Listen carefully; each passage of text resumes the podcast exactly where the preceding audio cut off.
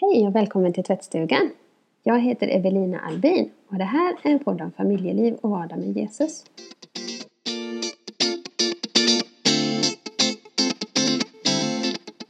I två tidigare avsnitt har jag berättat om en tallriksmodell för familjer.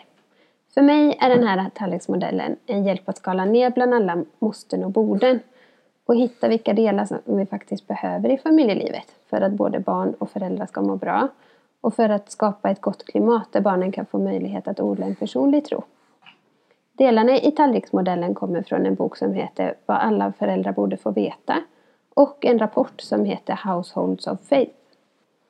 Det här avsnittet kommer att handla om vardagstro, där samtal om Bibel och tro får en naturlig plats i vardagen. Vikten av en vardagstro och vårt ansvar för det som föräldrar, att vi har ett andligt ledarskap på hemmaplan, det har blivit extra tydligt tycker jag under pandemin när vi inte längre kan, får eller bör träffas i kyrkan. Nu kanske det finns någon som lyssnar som inte har en kristen tro och tänker stänga av nu. Men det behöver du inte göra. För har du en annan tro eller livsåskådning så går det säkert många av de här resonemangen att föra över. Och är det så att du inte vet vad du tror eller vet att du tror att det inte finns någon Gud så häng kvar ändå. För jag tror att det finns delar i det här avsnittet som du kan ha användning för oavsett. För alla barn börjar förr eller senare fundera över existentiella frågor. Och då är det lätt att bli överrumplad. Dessutom så tror jag att alla mår bra av någon form av existentiell reflektion. Existentiell reflektion. Och eh, ha ett sånt samtal hemma i sin familj. Jag hörde till exempel om en pappa som läser poesi för sina barn vid fikabordet ibland. Eh, och sen så pratar de lite om det. Jag tyckte det lät jättefint.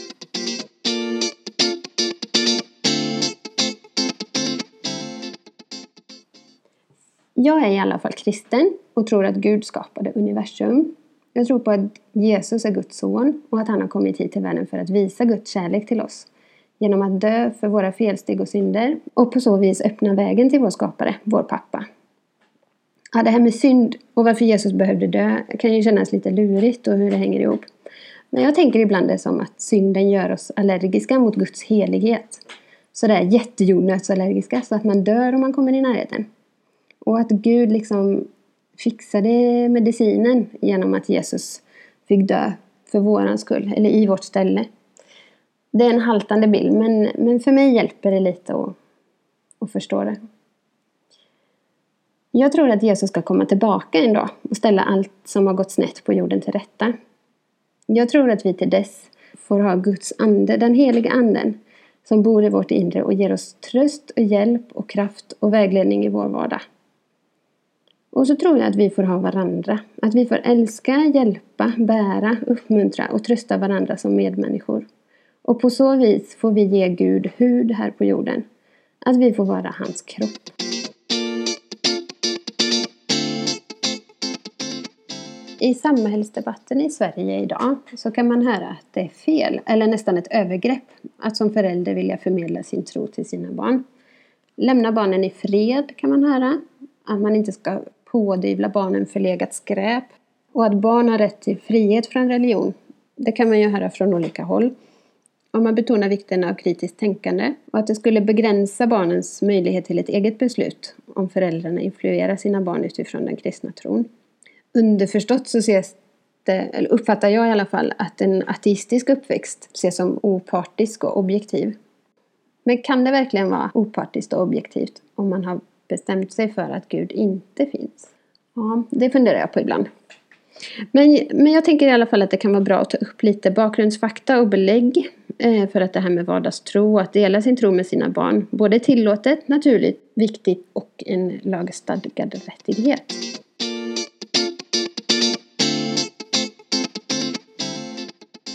Inför det här avsnittet så har jag läst en bok som heter Våga visa vägen till en tro som bär. Det är Alf B Svensson och Silla Stjernberg som har skrivit den. En liten gul bok som är lätt att läsa med roliga tänkvärda illustrationer av Anders Parsmo. De skriver enkelt och personligt i korta avsnitt och oftast inte längre än några sidor. Exempel på rubriker är Hur mycket får vi påverka våra barn? När man delar livet men inte tron och från barnatro och tonårstvivel till en vuxen tro. Jag har läst den här boken med jättestor behållning och fått med mig många bra perspektiv. Jag tänkte jag skulle dela med mig några utav höjdpunkterna och jag läser från sida 25 och framåt.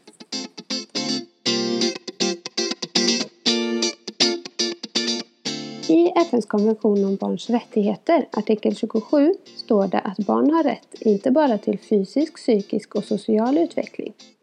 De har rätt till en andlig och moralisk utveckling också. Hur vi föräldrar och andra vuxna ska främja barns rätt till en andlig utveckling hoppar vi över när vi pratar om barns rättigheter. Trots att alla länder som undertecknat barnkonventionen förbundit sig till att göra sitt yttersta för att förverkliga barns alla rättigheter. Det säger något om synen på och rädslan för andlighet i vårt samhälle. Kanske är orsaken dålig kunskap om den tro och den andlighet som barn faktiskt har. Trots att vi lever i världens kanske mest sekulariserade land, där de flesta hävdar att Gud inte finns, så tror många barn på Gud och ber till honom. Vad barns rätt till andlig utveckling innebär rent konkret får man inte veta, vare sig av förarbetena till barnkonventionen eller i material från Barnombudsmannen eller Rädda Barnen. Det är upp till var och en att göra sin egen tolkning. Vi menar, alltså författarna, att barns rätt till andlig utveckling innebär att vi ger våra barn möjlighet och uppmuntrar dem att reflektera över frågor som Varför finns vi här? Finns Gud? Vad är meningen med livet? Och om Gud finns, hur vill han då att vi ska leva livet? Och vad händer när vi dör? I barnkonventionens fjortonde artikel står det att barn har rätt till tankefrihet, samvetsfrihet och religionsfrihet. Samhället ska också respektera föräldrarnas rätt att ge barnen vägledning då de utövar dessa rättigheter. Vi har alltså rätt att vägleda våra barn i fråga om tro och religion oavsett vilken tro vi föräldrar själva omfattar. Men vi ska samtidigt respektera deras rätt till tanke och religionsfrihet. Det kan ibland vara en svår balansgång. Vår vägledning får gärna vara tydlig, men den bör ske varsamt, hänsynsfullt och med respekt för barnens rätt till tankefrihet och religionsfrihet. Det får inte vara någon indoktrinering. För det stämmer varken överens med ett demokratiskt föräldraskap eller med kristen etik. Vi bör heller inte försöka få våra barn att ta ställning i vissa trosfrågor innan de är mogna för det. Det är något som successivt måste få växa fram inom dem. Att hindra barn från att ta ställning i andliga frågor tills de är vuxna tycker vi emellertid är ett uttryck för bristande respekt för barns mognad och kompetens. En viktig del i vårt föräldraskap är att uppmuntra våra barn att bli självständiga och lära dem ett kritiskt tänkande. De behöver lära sig att stå emot grupptryck, att kritiskt granska reklamens budskap, massmedias verklighetsbeskrivning och barn och ungdomskulturens värderingar. Men vi ska också uppmuntra dem att inte okritiskt tro på allt som vi själva säger. Självständighet och egen reflektion är en förutsättning för att de ska finna vägen till en tro som är deras egen, inte en exakt kopia av vår. Vi ska visa vad vi står för, men också lära barnen att visa respekt och tolerans för andra människor och för deras tro och livsåskådning. En vanlig myt är att den som är trygg och säker i sin tro och sin religiösa identitet blir intolerant och fördömande mot andra. Men vi tror att det är tvärtom. Den som är trygg i sin tro upplever inte andras tro som ett hot utan som ett tillfälle till ett spännande samtal.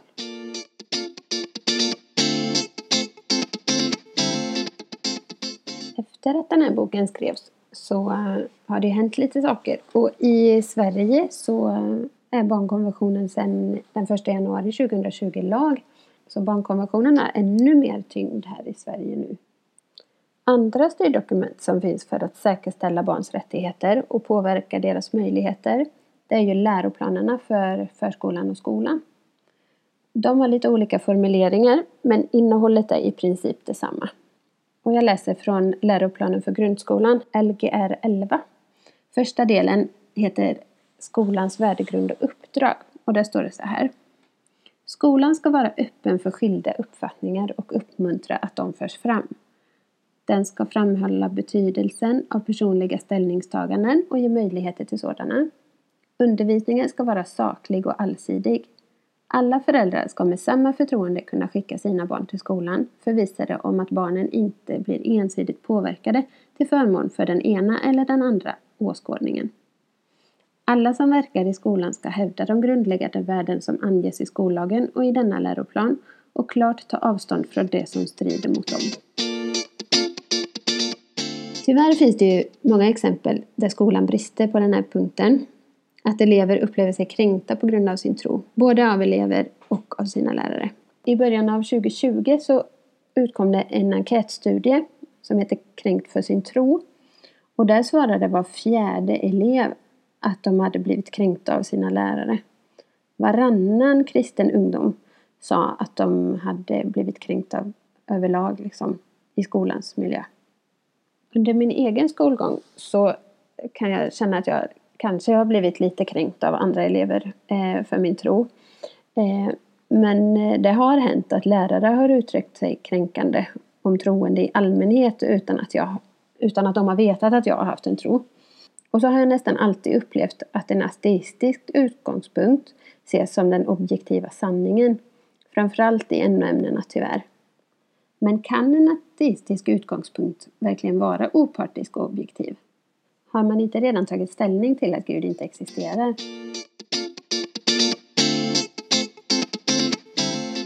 Sammanfattat kan man säga att barn har både en fysisk, psykisk, moralisk, social och andlig utveckling. Och det är vi föräldrar som har huvudansvaret för alla aspekter i barnets utveckling.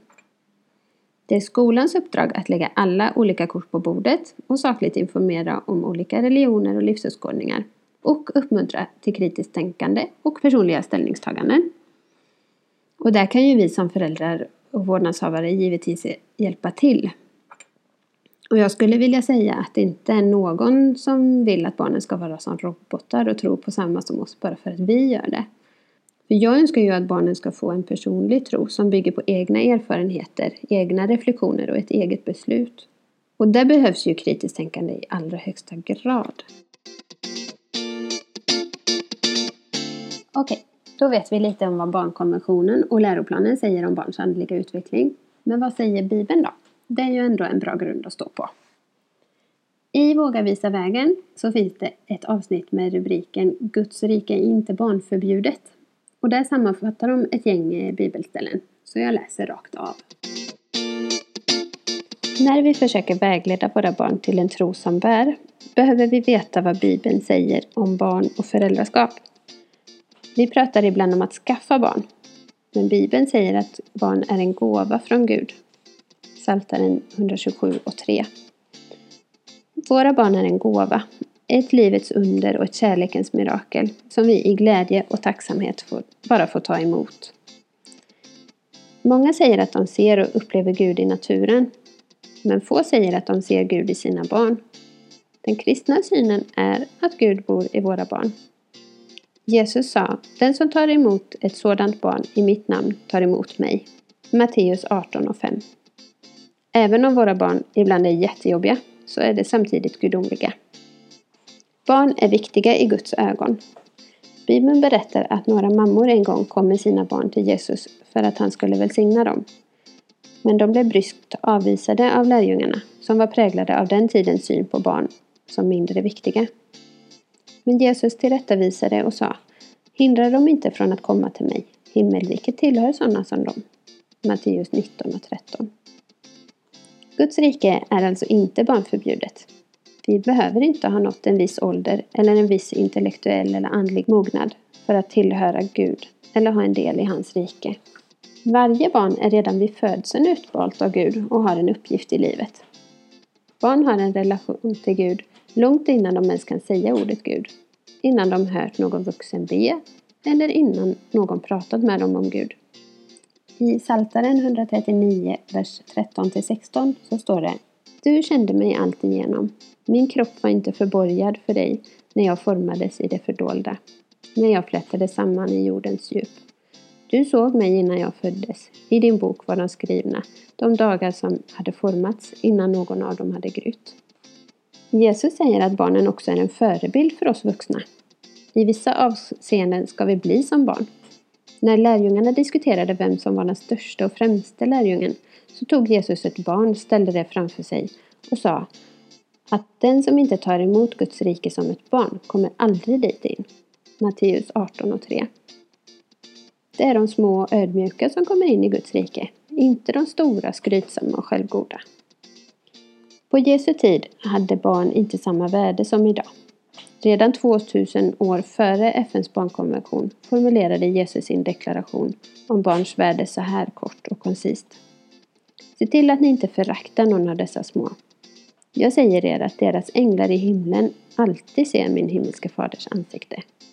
Matteus 18 och 10. Guds tanke är att barn ska växa i tron och bli bevarade i sin tro. I liknelsen om det bortsprungna fåret så säger Jesus Så är det också er himmelske faders vilja att ingen av dessa små ska gå förlorad. Matteus 18 och 12 14. Bibeln uppmanar oss föräldrar att ge våra barn en kristen fostran och vägledning. Efesierbrevet 6 och 4 säger Fostra och vägled era barn efter Herrens vilja. Ordspråksboken ger oss rådet Led den unge på den väg han bör gå, så följer han den när han blir gammal. Ordspråksboken 22 och 6. Och när vi vägleder våra barn måste vi visa dem respekt och inte behandla dem så att de tappar modet. Kolosserbrevet 3 och 21.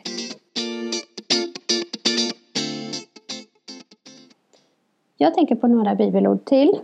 Eh, Romarbrevet 10 och 14, det står det, eh, jag tror det är Paulus som skriver, att hur ska de kunna tro på något som de inte har hört? Och hur ska de kunna höra om ingen predikar? Och då talar ju han om liksom folket i, i staden eller sådär. Men, men jag tror vi kan koppla det till våra, våra barn också. Att hur ska de kunna tro om de inte har hört? Och hur ska de kunna höra om vi inte berättar? Jag tänker på Uppenbarelseboken 3 och 15. Och för mig är det en uppmuntran om att ta ställning. Eh, där står det att du är varken kall eller varm, eh, men jag önskar att du vore kall eller varm. Sen i femte Mosebok 6 och 4 till 7 så står det så här. Du ska älska Herren din Gud av hela ditt hjärta, med hela din själ och med all din kraft.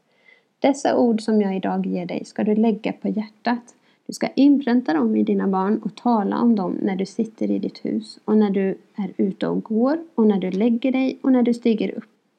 Och inpränta låter ju lite hårt kanske, men eh, jag slog upp synonymer och då eh, var några synonymer att eh, plugga in, fästa i minnet och lära in. Och jag tänker på glosor från skolan, att de pluggar man och nöter man ju in om man har en lärare som pratar om någonting hela tiden så kommer man ju ihåg det. Ja, det var den där läraren som pratade om Jane Austen hela tiden. Och men glosor, man kanske präntar in dem till att börja med och tycker att det är rätt tjötigt. Men sen någonstans där på vägen så gör man ju dem till sina egna. Och man kan använda dem och, som sina egna sen när man pratar själv. Och lite så kanske det är med, med tron också, vardagstron. Men hur gör man då för att tron ska få en naturlig plats i vardagen? Mm. Det försöker jag svara på i nästa avsnitt. Så håll utkik. Det tar lite längre tid att få de här gjorda och klara avsnitten än vad jag har tänkt och vad jag önskar. Men, men håll ut tillsammans med mig så, så kommer det snart, jag lovar. Tack för att du har lyssnat på det här avsnittet. Och har du frågor, funderingar, tips eller synpunkter så får du mer än gärna höra av dig. Det kan du göra via mail eller Instagram. Och mailen är tvattstugan.livet.gmail.com och på Instagram är kontot tvattstugan.livet. Det betyder så mycket att få ett ansikte på dig som lyssnar och kanske en glimt av vad Gud får göra genom den här podden i ditt liv. Så hör jättegärna av dig om du känner för det. Jag vill avsluta den här gången med en sångtext från när jag gick i söndagsskolan. Den går så här. Jesus låt mig aldrig bli så stor att jag inte får plats i din famn. Nej, jag vill alltid vara nära dig. Jag vill leva i ditt namn. Jesus, låt mig aldrig bli så stor att jag inte får plats i din famn. Nej, jag vill alltid vara nära dig. Jag vill leva i ditt namn.